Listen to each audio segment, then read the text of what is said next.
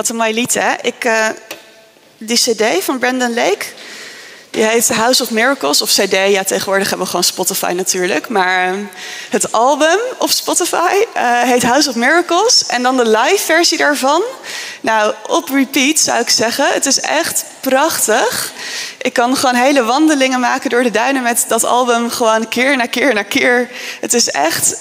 Hij neemt je mee op een soort reis. Nou, het, goed, ik kan het niet uitleggen, maar het raakt je hart. en het is heel mooi. Dus uh, alvast een uh, vakantietip bij deze. Uh, wandeling door de duinen maken met dit nummer op je oortjes. En dan komt het helemaal goed. Ja, we zijn op dit moment ook midden in de vakantieperiode. En ik hoop dat jullie uh, daarin ook de mogelijkheid hebben om een beetje uit te rusten. Ik begreep dat Gilbert vanochtend uh, ergens op een camping preekt. Ik kan me niet voorstellen dat ze er ook geslapen hebben vannacht. Maar um, nou goed, nee. ik zie oma al zijn hoofd schudden. Uh, ze hebben in elk geval ook even een vakantiemomentje. Dus daarom sta ik daar hier. En voor de mensen die mij niet kennen. Iemand wees mij daar laatst op. Uh, mijn naam is Jorine. Ik ben onderdeel van het kernteam hier in Reconnect. En uh, om de zoveel keer wisselen wij een beetje door uh, met spreken. Dus alle kernteamleden spreken één keer in de zoveel tijd hier. En, tenminste, zij die dat leuk vinden, of nou ja, goed, zich daar comfortabel bij voelen.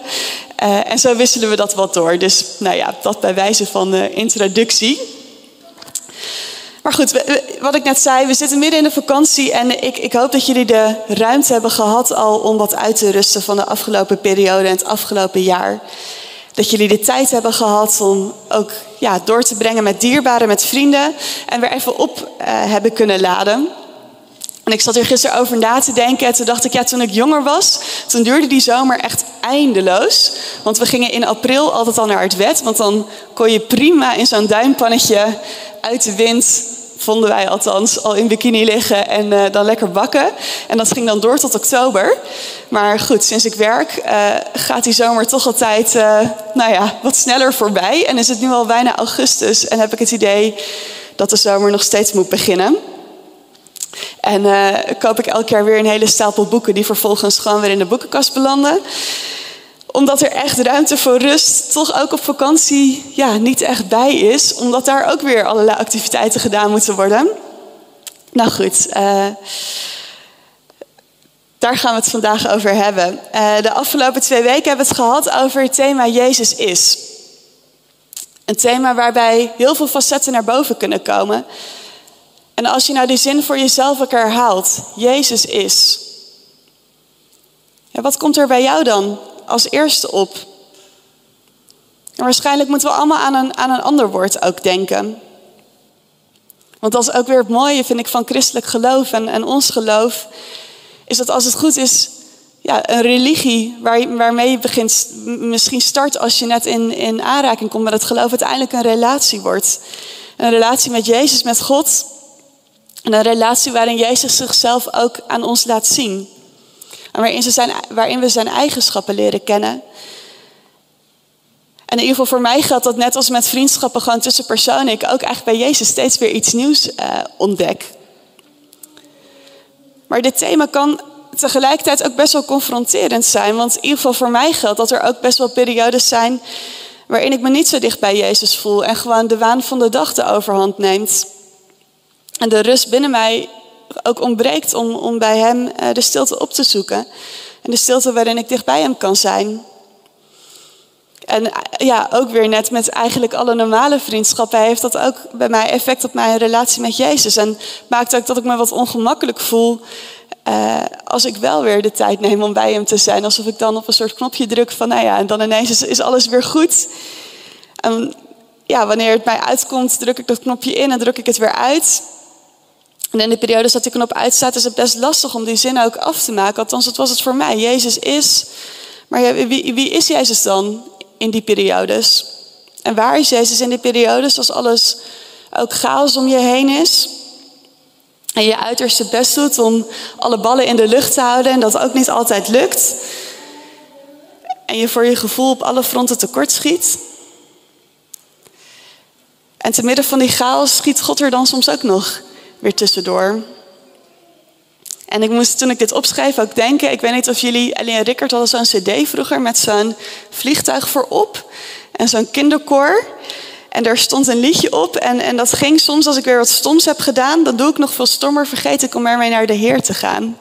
Ja, dat, dat gevoel, dat, dat kwam een beetje bij mij op. Maar goed, gelukkig stopt het liedje daar ook niet.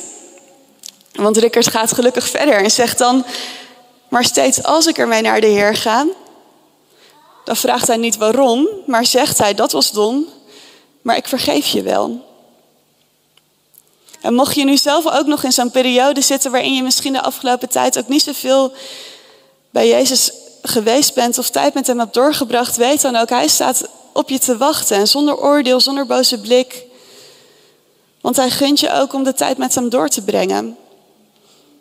En het comfortabel zijn met jezelf, omdat je weet dat je gewenst bent, dat je onderdeel bent van een familie en dat je nooit alleen bent. En vandaag wil ik met jullie stilstaan bij een van Jezus zijn eigenschappen, of ja, eigenlijk is het ook meer een karaktertrek, uh, ja, waar ik dus de afgelopen tijd in het bijzonder aan moest denken. En het is een eigenschap die eigenlijk toen ik er studie naar ging doen, ook door de hele evangelie heen, door de hele Bijbel heen, uh, ja, ook veel aandacht heeft gekregen. Maar tegelijkertijd een eigenschap die als je nou net eens een periode van chaos zit, heel ver weg kan lijken ook. Het was de eigenschap die Jezus noemde toen hij ook uitlegde in het Johannes-evangelie wat zijn opdracht was. En in Johannes 10, vers 10 staat: Ik ben gekomen opdat zij leven hebben en overvloed hebben. Ik ben gekomen opdat zij leven hebben en overvloed hebben. Dus Jezus is overvloed. Jezus is overvloed. Meer dan genoeg. Keuze te over. Niet slechts het noodzakelijke. En het woord dat Johannes hier in de grondtekst gebruikt voor het woord overvloed, is het woord perisos. Perisos. En dat betekent bovenmate. Het kan overbodig betekenen, nou dat is het in deze context niet, maar ook buitengewoon en overvloedig. Dus wanneer het om een kwaliteit gaat, betekent dit woord buitengewoon. En in andere gevallen, wanneer het juist om een hoeveelheid gaat, dan betekent het overvloedig. Dus Jezus zegt hier over zichzelf, als je het ziet als een karaktertrek, maar ook als zijn aanwezigheid, ik ben buitengewoon overvloedig. Maar wat betekent dat nou? Jezus is gekomen om ons leven te geven en overvloed te geven. Hoe moeten we dat nou interpreteren? Betekent het dat we nooit meer iets tekort zullen komen? Dat er altijd van alles meer dan voldoende zal zijn? Ik weet niet hoe het met jullie zit, maar ik kom best wel eens wat dingen tekort. Ook gewoon ja, heel praktisch tekort aan tijd, uh, tekort aan eten. Uh, als ik weer eens vergeten ben om, om boodschappen te doen. Mijn koelkast, uh, daar staat gewoon permanent een halve fles wijn en een, een, fles ketchup in. En dat is het wel zo ongeveer. Ik zou soms best een raam in mijn werkkamer willen hebben. En dit zijn nog allemaal zaken die ja, niet noodzakelijk zijn. Of vrij makkelijk op te lossen. Maar als ik dan bijvoorbeeld denk, ik kreeg deze week een foto weer doorgestuurd van Michelle, mijn kindje uit een Compassion project in Kenia. Die dan weer schrijft dat ze voor haar verjaardag een geit gekregen heeft, zodat de familie weer melk kan drinken. Die één jurk heeft, namelijk de jurk op de foto die ze gekregen heeft van dat project. Ja, dan is dat lastig voor te stellen dat dat een leven in overvloed is. Althans niet in, in de materiële zin.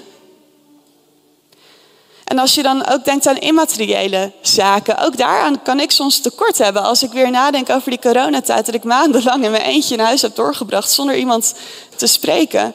Althans niet live. Uh, slapen en werken. Had ik best wel ook iemand naast me willen hebben staan.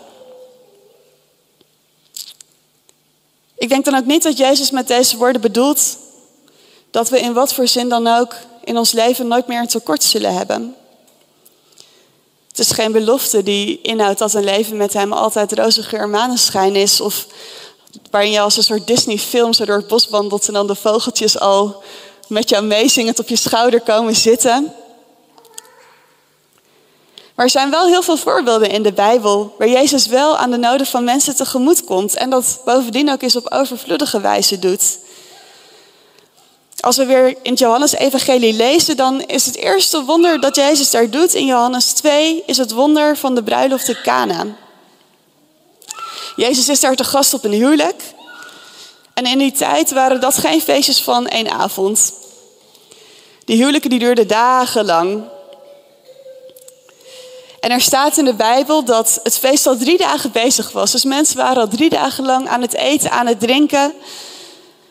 En op de derde dag deed zich een groot probleem voor. De wijn was namelijk al op. Kun je je dat voorstellen? Dat jij een feest geeft, het huwelijksfeest, het mooiste feest van je leven als het goed is.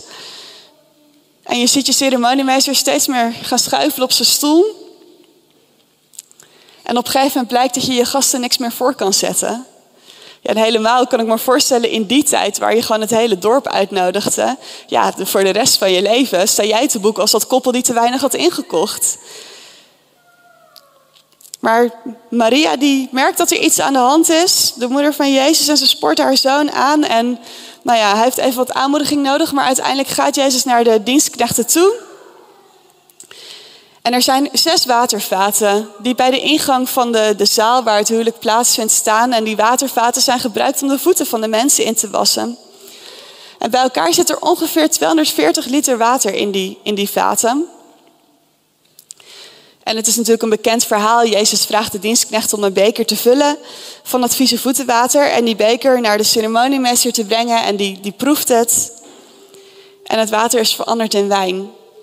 En er staat ook in Johannes dat het niet zomaar een slobberwijntje is. Nee, de ceremoniemeester die proeft en die zegt...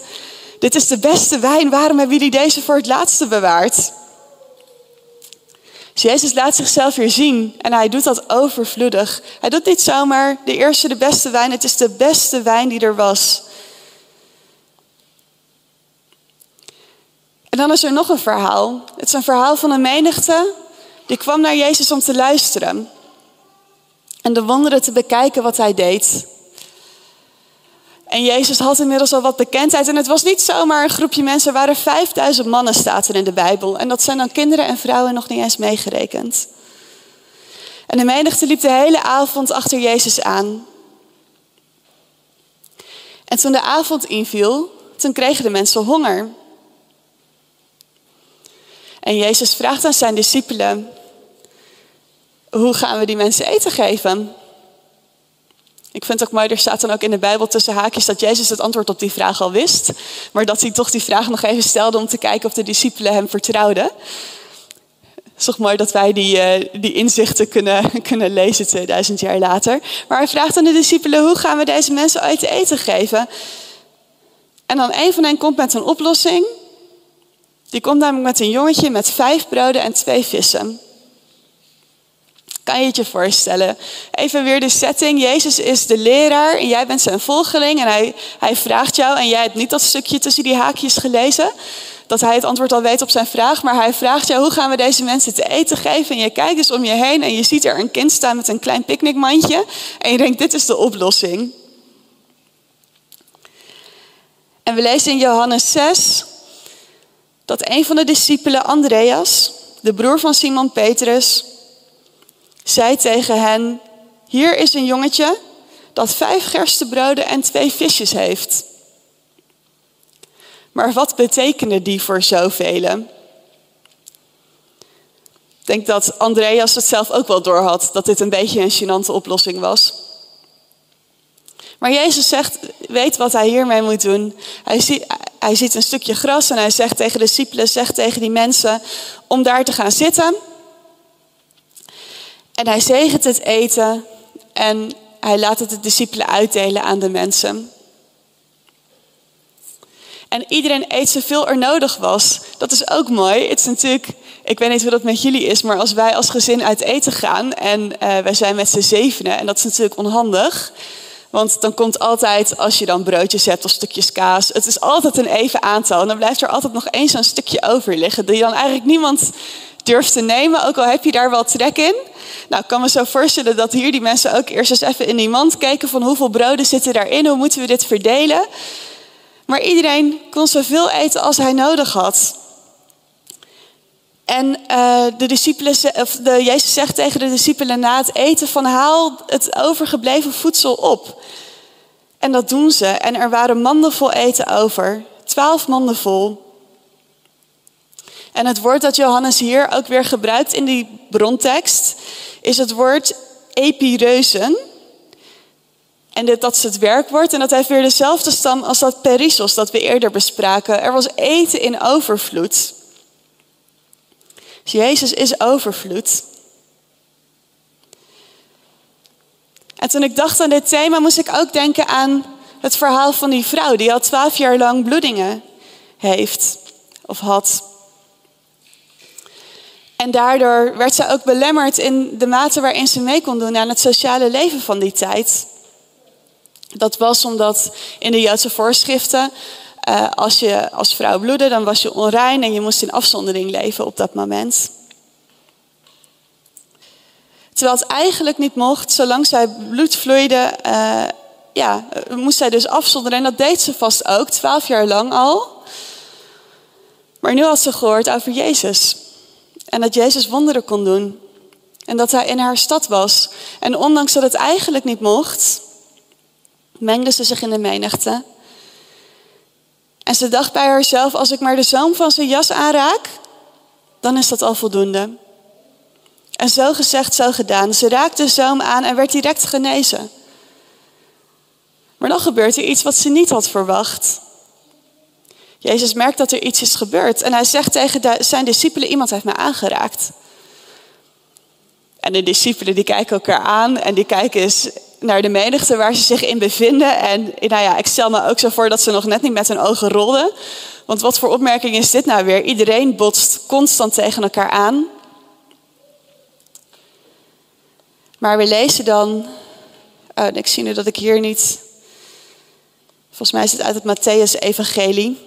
Um, we lezen dan dat meteen toen Jezus bij zichzelf merkte dat er kracht van hem was uitgegaan, dat hij zich omkeerde in de menigte en zei: Wie heeft mijn kleren aangeraakt? En zijn discipelen zeiden tegen hem: U ziet dat de menigte tegen u opdringt en u zegt dan: Wie heeft mij aangeraakt? Maar hij keek om zich heen om haar te zien die dat gedaan had. En de vrouw die bevreesd was en beefde, omdat zij wist wat er met haar gebeurd was, kwam en wierp zich voor hem neer en vertelde hem de volle waarheid. Toen zei hij tegen haar dochter, uw geloof heeft u behouden. Ga heen in vrede en wees genezen van uw aandoening. Oh, en ik zie nu, dit komt uit Marcus. Het staat ook in het Matthäus-evangelie. De, de vrouw vertelde Jezus de waarheid. En de waarheid was dat zij zich eigenlijk op dit moment niet in deze menigte had mogen bevinden. Maar dat ze ook te einde raad was. Dat ze al haar spaargeld aan dokters had uitgegeven, maar dat niemand haar had kunnen helpen. Jezus was haar enige hoop geweest. En Jezus kwam en hij genas. Maar dat niet alleen. Hij genas haar niet alleen van haar kwaal, hij hielde haar ook van binnen. Dus stel je voor dat Jezus haar gewoon naar huis had laten gaan zonder dat ze haar woord had kunnen doen. Dan had die vrouw zich waarschijnlijk de rest van haar leven ja, toch beschaamd gevoeld over het feit dat zij zonder dat het eigenlijk mocht zich in die menigte had gemengd en Jezus had aangerakend. Maar doordat Jezus haar verhaal laat doen, komt het ook in de openheid en wordt de vrouw niet enkel van haar kwaal genezen, maar ook van haar schaamte. Dus Jezus komt en hij komt in overvloed. En zo staan de evangelieën eigenlijk vol van verhalen waar Jezus zichzelf overvloedig laat zien. Waar hij meer dan genoeg geeft. En wat kunnen we hier nou uit leren? Ik denk in de eerste plaats dat Jezus zich dus wel degelijk bekommert om onze noden. Dat hij zich met hele normale menselijke dingen ook bezighoudt. Zoals het feit dat we voldoende eten hebben uh, en voldoende drank op een feestje. Maar is dit nu daadwerkelijk de overvloed waar Jezus over spreekt als hij zegt, ik ben gekomen om leven te geven, leven en overvloed?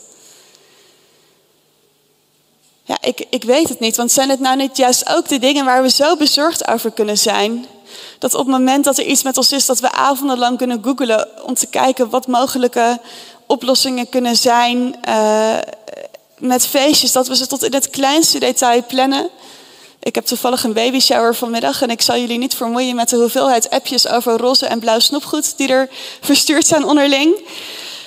Want anders is het feest natuurlijk niet compleet.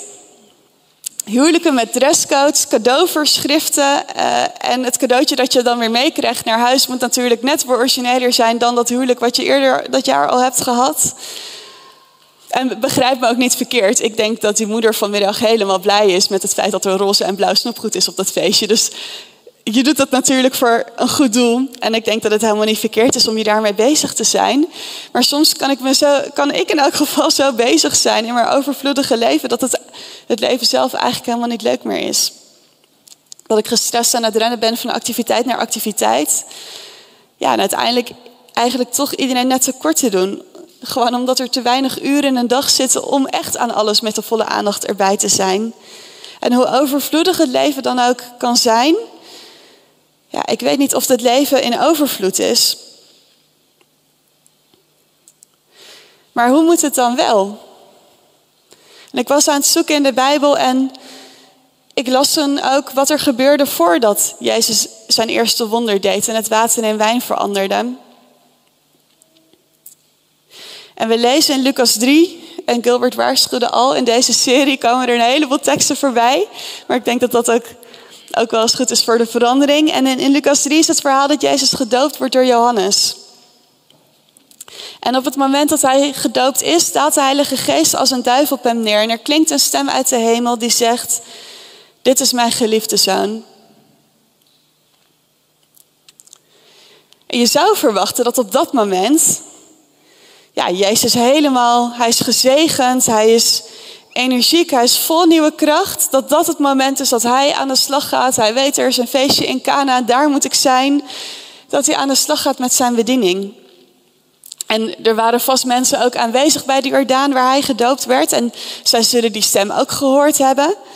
En ze hadden wellicht ook allemaal verwachtingen van nu komt het. Er was een onzichtbare stem geweest die aangaf dat dit de zoon was. En alle mensen kenden het verhaal over de Messias. De Messias waar ze al zo lang op wachten. En ik heb geen verstand van marketing of PR, maar ik zou ook zeggen: Jezus, dit is je moment. Pak dat podium en neem al die mensen mee in jouw verhaal. En ga vanuit daar verder. En ik stel me zo voor me dat hij op het moment dat hij uit dat water loopt, dat er al mensen links en rechts genezen worden. En dat hij daar vervolgens niet mee stopt en dat dat verhaal het hele land doorgaat.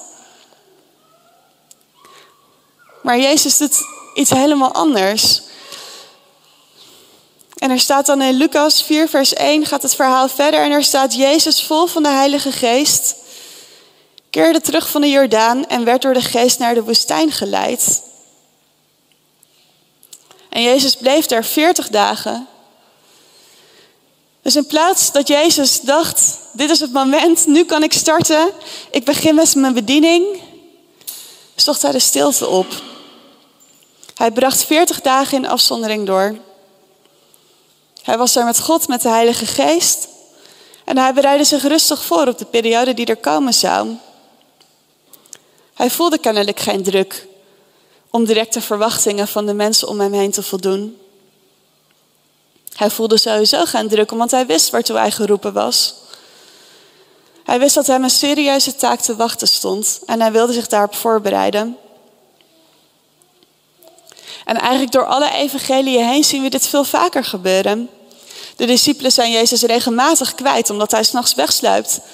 Om in alle rust en in afzondering bij de Vader te kunnen zijn. De momenten waarop hij oplaat. Want zoals we vorige week bespraken, Jezus is volledig mens, naast dat hij volledig God is. Ook hij heeft slaap nodig en momenten om op te laden. Grote groepen mensen putten hem soms ook uit, zo lees je in de evangeliën. En in plaats van dat Jezus zijn gedachten probeert te verzetten met wat uh, comedy of een, ja, een lichthartige Netflix-serie, zoals ik dat soms doe, of een middelmatig boek, sluit hij weg om te bidden, om met God te zijn. En zou dat nou niet het leven in overvloed zijn, waar wij soms ook zo naar op zoek zijn? Een leven in balans. Een leven waar rust aanwezig is. Waar God kan spreken omdat wij er bewust voor kiezen om die stilte niet te vullen. Omdat wij ervoor kiezen om weg te sluipen af en toe van avondjes met onze vrienden. En een avond alleen door te brengen. Een avond alleen met God. En zodat geen ruimte kunnen bieden in ons leven. Een leven waarin we eigenlijk constant op zoek zijn weer naar het volgende. En nu we toch midden in de vakantieperiode zitten, is dit misschien ook een mooie uitdaging om daarin mee te geven.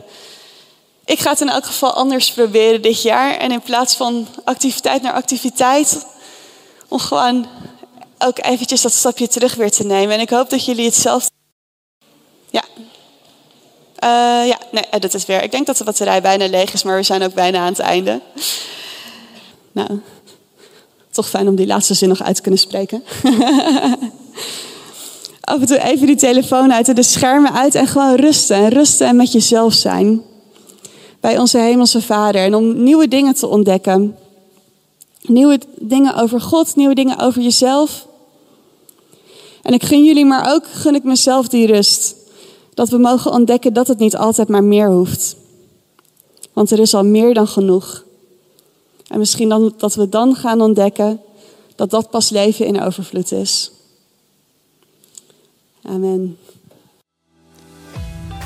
Hey, Gilbert hier. Bedankt dat je hebt geluisterd naar de podcast van Reconnect Community Church. Ik hoop en bid dat je er niet alleen door bent bemoedigd of geïnspireerd, maar dat deze uitzending jou ook weer meer heeft mogen wijzen naar Jezus en zijn liefde, genade en trouw voor jou en voor mij. En als jij, net als wij, ook enthousiast bent over deze podcast, dan kan je ons helpen door je te abonneren op ons kanaal en deze overdenking te delen met vrienden en bekenden. Mocht je ons ook financieel willen ondersteunen, dan kan dat via reconnect.cc/geven. Je helpt ons dan om dit te blijven doen, zodat wij mede dankzij jouw steun mensen kunnen blijven bereiken met het goede nieuws van Jezus. Bedankt voor je betrokkenheid en je support.